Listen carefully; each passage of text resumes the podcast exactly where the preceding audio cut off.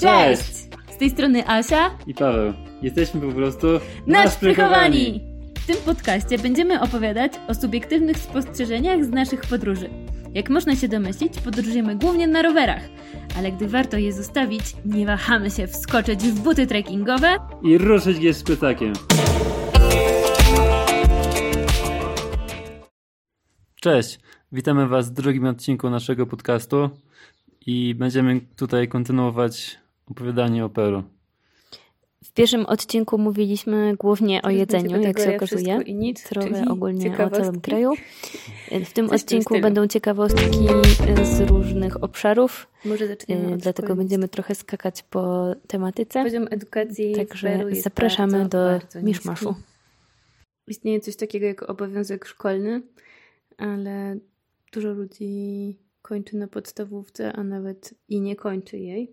Bo tylko podstawówka jest obowiązkowa, tak? Ale na pewno jest to nie aż tak przestrzegane jak w krajach europejskich.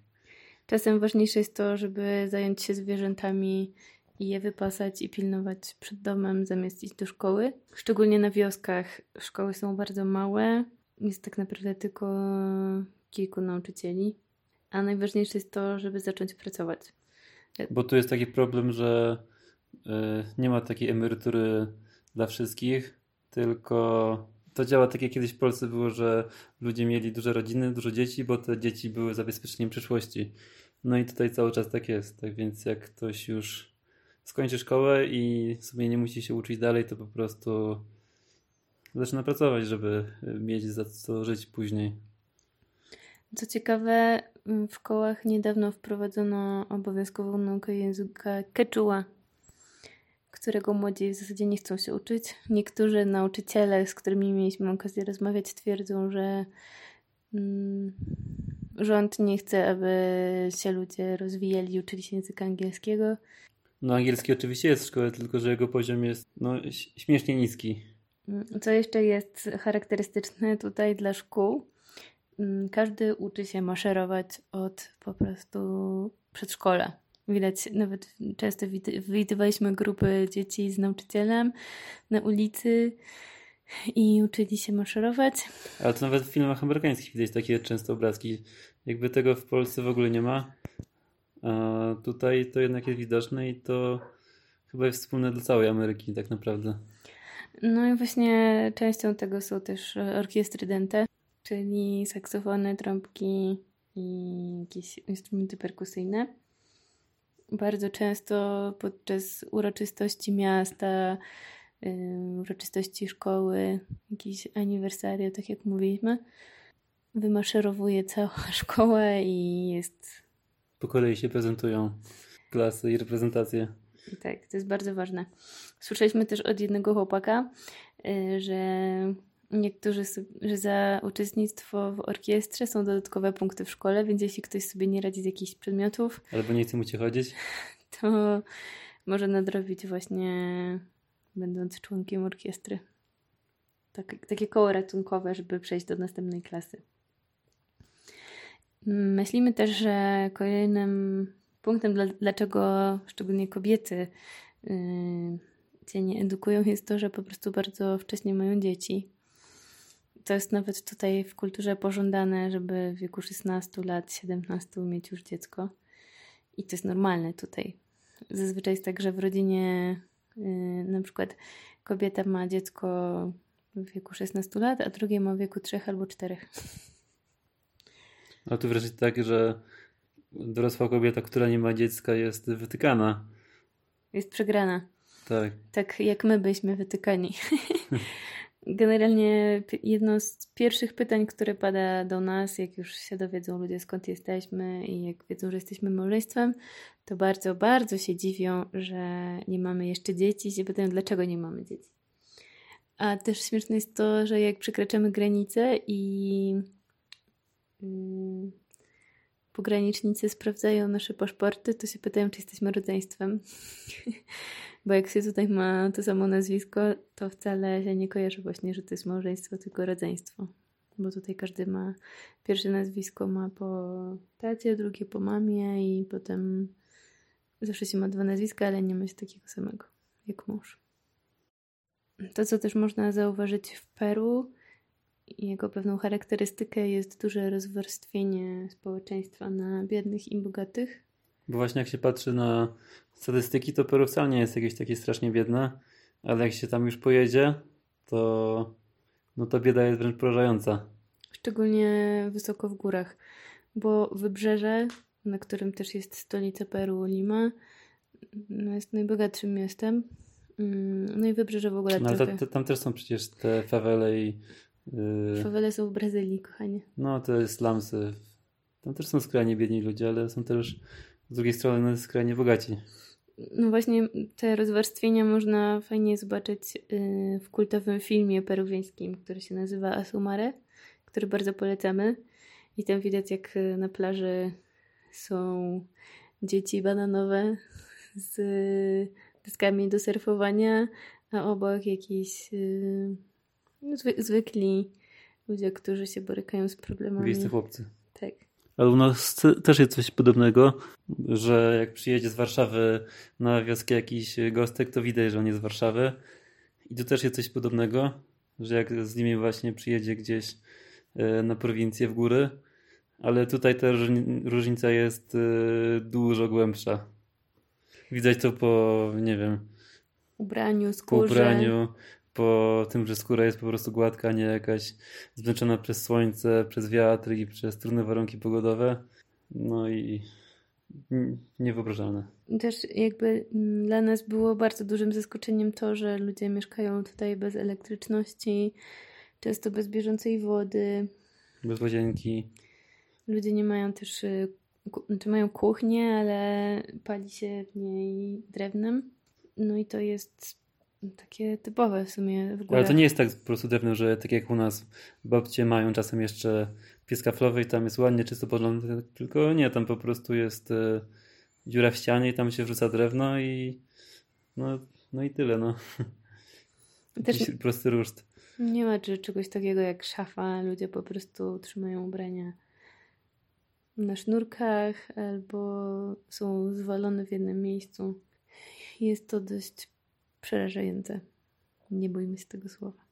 A to może przejdźmy do budownictwa, skoro już tak nawiązaliśmy, bo tutaj domy się buduje często po prostu z gliny albo piachu.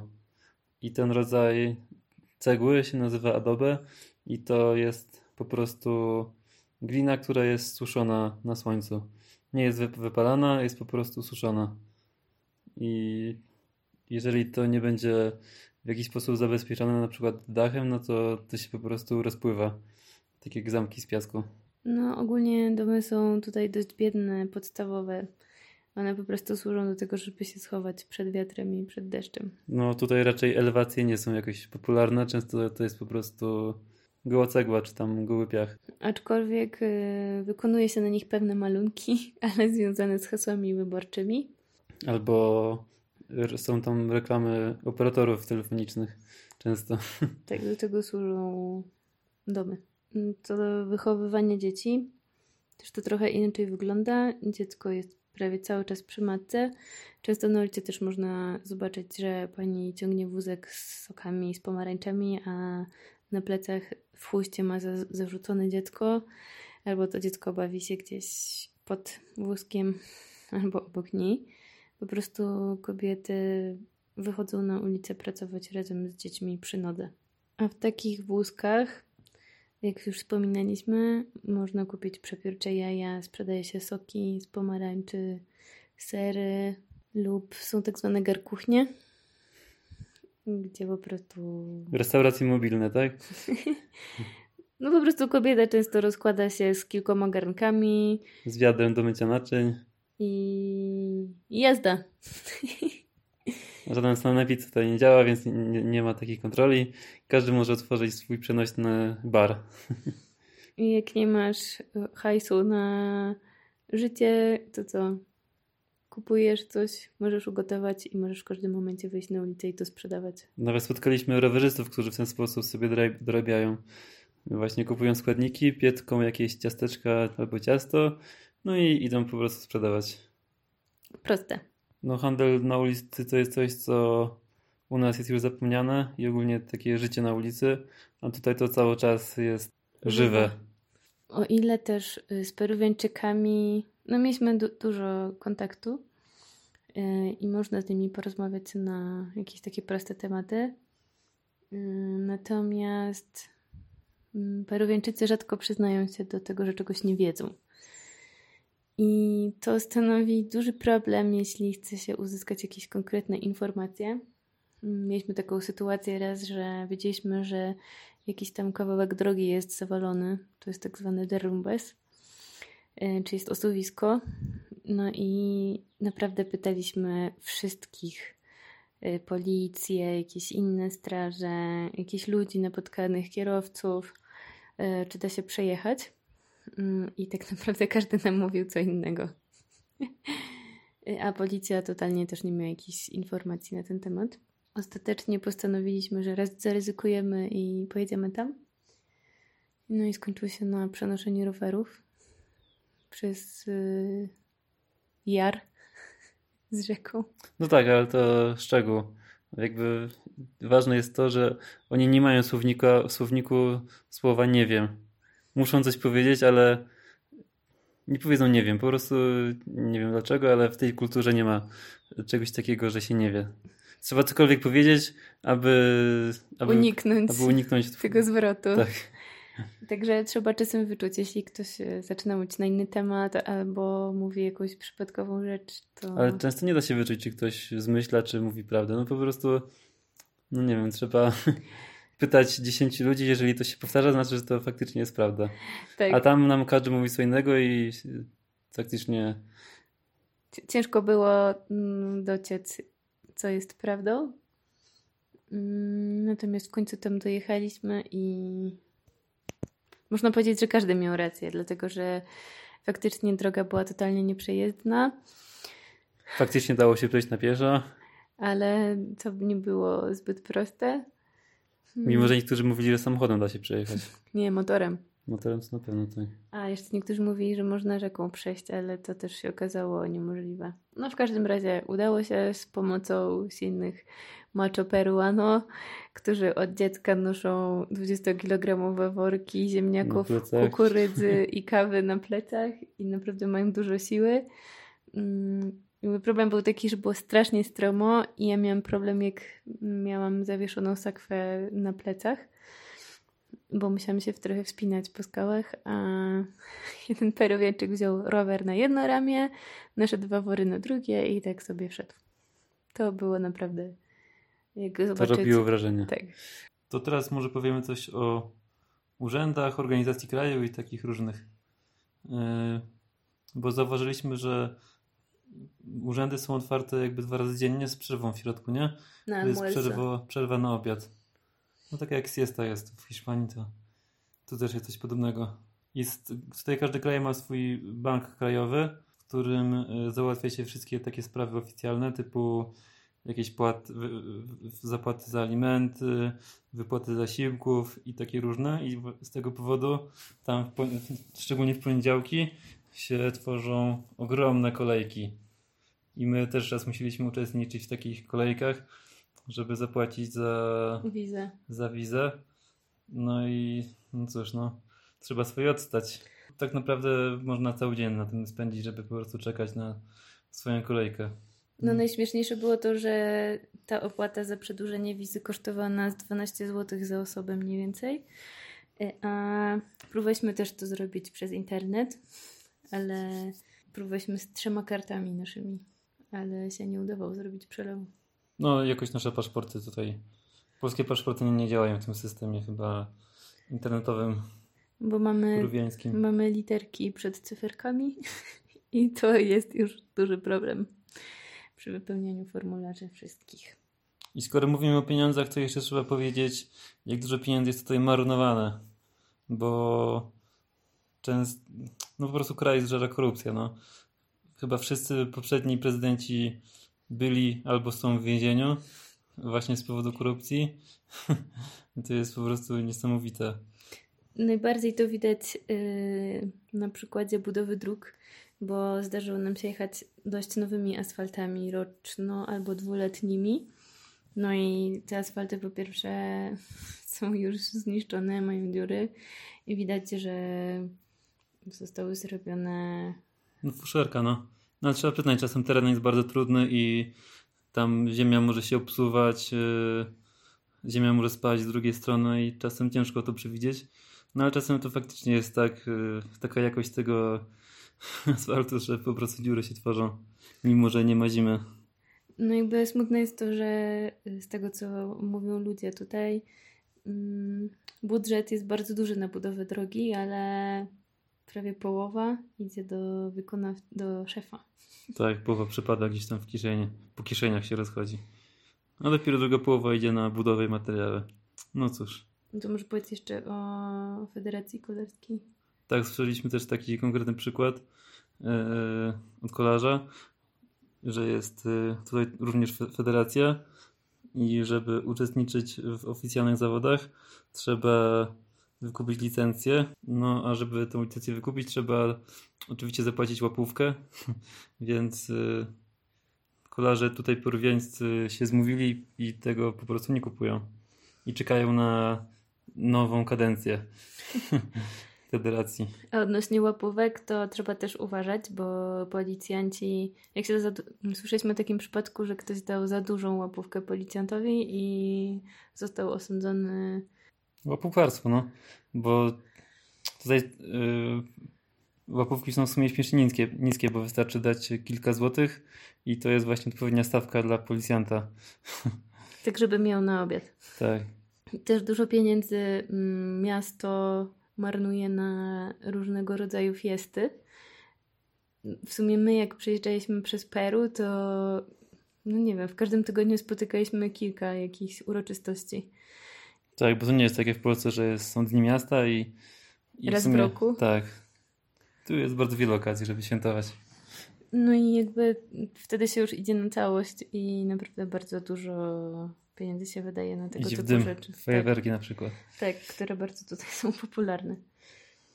A czasem co śmieszne, puszczają je w ciągu dnia, tak żeby było widać.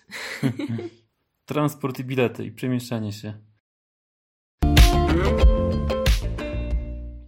Może my dużo nie korzystaliśmy z autobusów, ale zdążyliśmy zauważyć, że nie jest to tutaj drogie. I do przykładu my jechaliśmy autobusem tam ile? Z 40 km?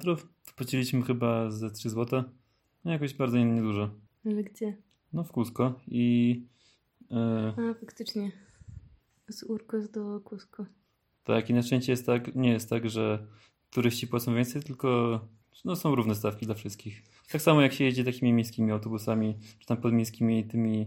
Minibusami. Minibusami, czy tam jakimiś... Yy Chociaż jak jechaliśmy tym busem do URS, do parku Łaskaran, to już y, na pewno płaciliśmy więcej za transport.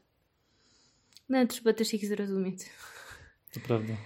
To są takie drogi mega kamieniste, totalnie przed góry, więc jak mają okazję trochę więcej wziąć za transport od turystów, no to po prostu to robią, a miejscowi dzięki temu mają częstsze połączenia trudniej dostępne obszary. I oczywiście, jak się wchodzi do autobusu, mm, to trzeba poczekać, aż zapełnią się wszystkie miejsca i dopiero wtedy rusza. Autobus, no takie. No, mikroobus. Mik mikrobusy, takie. Tak jest. Tam wchodzi I, 14 tak, osób. Tak, no miejsce się tam nie marnuje. Jeszcze oczywiście na dachu też jest taki bagażnik, przestrzeń bagażowa i tam się bardzo dużo ładuje rzeczy. Albo zwierzęta, albo jakieś e, wory z kukurydzą, albo całe kolby, czy tam jakieś inne. No prawda jest taka, że jak ktoś już zjeżdża do miasta, no to po prostu robi duże zakupy i właśnie z nimi wraca do swojej wioski. Tak, właśnie często obrazek to było tak, że był samochód i na górze jeszcze był wypełniony jakimiś walizkami, tam torbami, skrzynkami i to miało wysokość drugiego prawie że samochodu. Natomiast inaczej jest, jeżeli chodzi o wejścia do muzeów i jakichś... E, zabytków inkaskich. Zabytków, tak. Ruin. Tam są już dwie taryfy. Jedna jest dla... E, Lokalnych. Tak, dla osób z paszportem peru peruwiańskim, czy tam dowodem i druga dla zagranicznych. I różnice mogą być znaczne. Najczęściej cena jest dwa razy większa dla... Co najmniej tak. Co najmniej, bywa ich więcej. Oczywiście najdroższy jest pociąg z Cusco do Machu Picchu. Tam różnica jest dramatycznie inna, bo lokalnie płacą kilka dolarów, a Gringos płacą 100. tak, No ale cóż, cóż możemy na to poradzić? My, taka polityka rządu. My po prostu tam nie pojechaliśmy buntując się przeciw tym, tym, temu zdzierstwu. Natomiast widzieliśmy dużo innych ruin inkaskich za darmo i też nam się podobało. Sprzeciwiliśmy się fali po raz kolejny. Tak, w Peru w szczególności jest, no bo to jest kolebka w sumie kultury Inkaski. inkaskiej, więc jest bardzo dużo pozostałości po nich cały czas. I wiele jest na pewno też nieodkrytych. Albo zaniedbanych, tak jak byliśmy w Espiritu Pampa i tak naprawdę dopiero od kilku lat tam mm, zadbali o ten teren, jest wystrzeżona trawa, ale jeszcze jest kilka tam miejsc dookoła, bo tam sobie spacerowaliśmy, gdzie jest jeszcze wszystko zarośnięte chaszczami, więc te ruiny po prostu to są jakieś takie cegiełki wystające z wysokiej trawy, które ledwo można dojrzeć. Tak, i też można tam pozwiedzać nawet preinkarskie, czyli jeszcze przed Inkami inne ludy tam mieszkały i też są po nich pozostałości, więc tu od dawna ludzie zamieszkiwali i uprawiali tą swoją kukurydzę. No i co by tu jeszcze powiedzieć? Jest też tutaj tak, że wybory nie są dobrowolne tak jak u nas, tylko są obowiązkowe. No jak się nie pójdzie, to się płaci mandat. Nie wiem ile to kosztuje, ale wystarczająco, żeby przekonać do głosowania. No nie wiem, czy to jest do, dobry pomysł, bo wtedy każdy musi na coś zagłosować, więc wyniki są bardziej przypadkowe, tak naprawdę. No cóż, taka ma demokracja. A i tutaj też jest trochę inny ustrój niż u nas, bo prezydent ma dużo większą władzę. To jest coś bardziej tak jak w Stanach.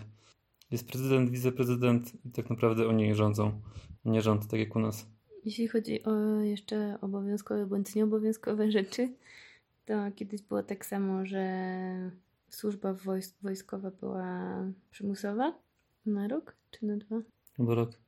I właśnie też słyszeliśmy od innego mm, kolarza, że przypadło, przypadła mu służba w Amazonii. No i tam jest taki problem, że jest dużo zwierząt, insektów, które mogą wyrządzić krzywdę. Y, I smutne jest to, że jakby rząd nie finansuje leków y, dla ludzi, którzy tam mieszkają. A są takie pająki, które jak ugryzą, to jakby. mm, Nie, to nie były pająki, tylko jakieś komary chyba, czy coś w tym stylu. W każdym razie one jakby wyżerają ciało i zostawiają dziury. Jeśli się nie weźmie w odpowiednim momencie jakiegoś antybiotyku specjalnego na to, no to jakby to postępuje. No i właśnie ten żołnierz opowiadał, że y, jakby jego to spotkało, ale jakby wojsko zapewnia takie rzeczy, ale na ulicy widział dużo dzieci, które miały wygryzione nosy, kawałki twarzy. Mm, Także to trochę ma- makabryczne jest. No i zarazem smutne, że ten, ten obszar Peru jest tak y, bardzo jeszcze zaniedbany. No oczywiście są też, y, jest szereg chorób, które komary przenoszą.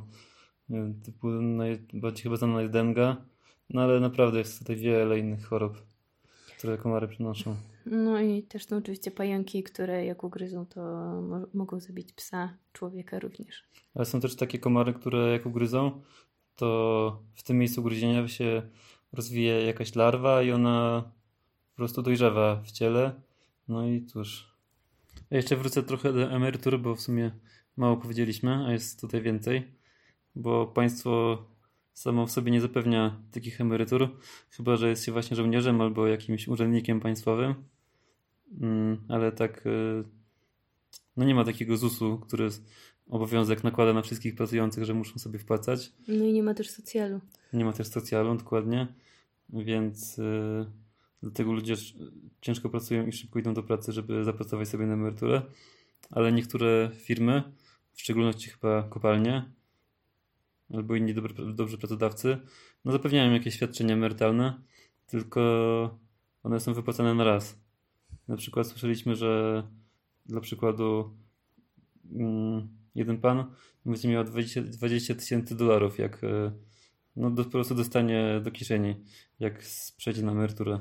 On z kolei zajmował się jakimś zakładaniem sieci komórkowych chyba, anten. No tak, dokładnie. Też nam się bardzo podoba, że tutaj jest dużo pick-upów. O tak, tego bratka nie ma w Europie za bardzo. W Ekwadorze... To jest bardzo amerykańskie. Tak, zresztą w, w, w, większości krajów, w Boliwii było mało, ale to chyba dlatego, że jest biedniejsza Boliwia, ale w Argentynie, w Chile, teraz jesteśmy w Ekwadorze, po prostu wszędzie są pick-upy. Yy, właściwie chyba posiadanie samochodu jest bardziej tutaj istotne niż ładnego domu. Pick-up to podstawa, jeśli ktoś ma jakieś negocjo. No, w naszym klimacie to się nie sprawdza, ale jednak tutaj no, przydatne to jest bardzo użyteczne. No, w Peru jakby jest dużo bardziej sucho, nie pada tak dużo w górach, więc e, nie trzeba nawet przykrywać niczym tej paki, na którą czasem wrzucamy nasze rowery. I tak, wy, jeśli ktoś zaproponuje nam podwózkę. To może teraz coś o duchowości, tak ogólnie. Mm, z naszej perspektywy, jak tak jeździmy drogami, to możemy zaobserwować, że ludzie przy kapliczkach y, czczącej jakiegoś zmarłego jest zostawiane albo są rzucone pieniążki, albo co jest najczęstsze jest zostawiany jakiś owoc. Owoce albo... w liczbie mnogiej. Tak. Napoje, otwarte na przykład piwo i wypite do połowy, albo jakiś sok. No coś, co lubił zapewne dany nas zmarły, żeby tak y, nie brakowało mu tego, żeby w spokoju mógł odpoczywać. No ale podobnie też jest y, przy kapliczkach y, z Matką Bożą. To samo się dzieje. A jeśli jesteśmy przy bardziej religijnych sprawach, to mieliśmy zaszczyt poznać wielu misjonarzy w Peru. Y, mamy bardzo miłe doświadczenia z nimi. Zawsze byli to polscy misjonarze. Przyjmowali nas zawsze z otwartymi rękoma, mimo że często pojawiliśmy się bez zapowiedzi znikąd, z nienacka. W nocy. Czasem nawet w nocy. I naprawdę mamy takie mm, taką refleksję, że ludzie, którzy wyjeżdżają na misję, kapłani czy zakonnicy, to są najczęściej dość wyjątkowi ludzie, mm, którzy mają jakąś wizję, którym się chce robić dużo rzeczy i angażować. Mm, także byliśmy bardzo mile zaskoczeni tym. No i trzeba zaznaczyć, że tutaj bardzo trudno jest współpracować z ludźmi, którzy widzą nas jako trochę innych. W sensie nie jesteśmy ich e, z ich ludu, jesteśmy kimś z zewnątrz i to utrudnia współpracę z nimi. Szczególnie właśnie ludzie w górach są mniej otwarci. Praca w, na przykład w dżungli jest e, totalnie inna, bo ludzie tam są bardziej przyjaźni, chętni do współpracy, bardziej uśmiechnięci, zadowoleni. Jednak e, życie w górach daje ludziom w kość i to się przekłada na, na wiele aspektów życia. My również tego doświadczyliśmy, że jak jeździliśmy po górach, to ludzie odnosili się do nas z większym dystansem, często nie mieli ochoty z nami rozmawiać, albo były to jakieś tam krótkie rozmowy. Natomiast jak jeździliśmy w terenach obfitych w owoce, i dary ziemi, to ludzie nas zaczepiali, częstowali nas, często obdarowywali nas różnymi owocami, szczególnie bananami, które uwielbiamy. Jeśli chodzi jeszcze o pracę misjonarzy, to oczywiście w mieście wygląda to trochę inaczej, bo jest dużo parafia, ludzie przychodzą do kościoła i jest ich sporo. Natomiast właśnie na wioskach no często nie, nie ma takiej opcji, żeby Mm, co niedziela była msza, więc ludzie najczęściej po prostu zamawiają jakąś mszę raz na jakiś czas i wtedy ksiądz przyjeżdża. Ale jakby z ich relacji wiemy, że jest tutaj trochę takie ubóstwo duchowe. No często niestety zdarzają się też takie sytuacje przemocy w domu, gwałtów. To jest tutaj niestety bardzo, bardzo powszechne i bardzo dotkliwe. Ale to jest też związane z takim latynoskim temperamentem, że ludzie za bardzo nie chcą nie chcą się wiązać z, ze swoimi decyzjami na długo. To się raczej tak żyje chwilą. No i często jest tak, że bardzo mało par decyduje się na małżeństwo w młodym wieku. Często ludzie, którzy. Są dziadkami w sumie. często tak są już dziadkami albo mają już dwójkę dzieci i, i dopiero wtedy biorą ślub. Jest jeszcze jedna rzecz bardzo charakterystyczna tutaj. Spóźnialstwo. O tak. Ojej. Tu się ludzie na swój ślub spóźniają zawsze. Pół godziny, 40 minut. To jest fatalne. I tu nawet nie ma, po prostu tu ludzie nie, nie przywiązują uwagi do czasu, bo zazwyczaj mają go na tyle dużo, że pół godziny w tą czy w tą nie ma znaczenia. Nie jest tak jak w Europie, że, raczej wszyscy są gdzieś pomawiani i mają zaplanowany czas. Tutaj raczej się tak z dnia na dzień. Bardzo luźno się traktuje czas. No i to byłoby, byłoby chyba na tyle, co mamy do powiedzenia. Sądziliśmy, że to będzie nasz ostatni odcinek operu, jednak się pomyliliśmy, ponieważ w trakcie drogi przypomniało nam się wiele rzeczy, a również pojawiły się pytania od naszych słuchaczy, więc w następnym odcinku odpowiemy na nie. A będziemy mówić m.in. o tym, w jakich warunkach zdarzało nam się spać. Powiemy coś o paneli, czyli naturalnym cukrze z trzciny oraz gdzie na ulicy można spotkać białe plastikowe kucyki. Jeżeli macie jakieś pytania albo ogólnie jesteście zainteresowani tym, co mówiliśmy, no to oczywiście zapraszamy do zadawania pytań, zapraszamy na naszego bloga. Nasz prychowani wordpress.com można też nas znaleźć na Facebooku, wystarczy wpisać nasz prychowani. To my. No i to by było na tyle w tym odcinku. Pożegnamy się po hiszpańsku. Hasta luego.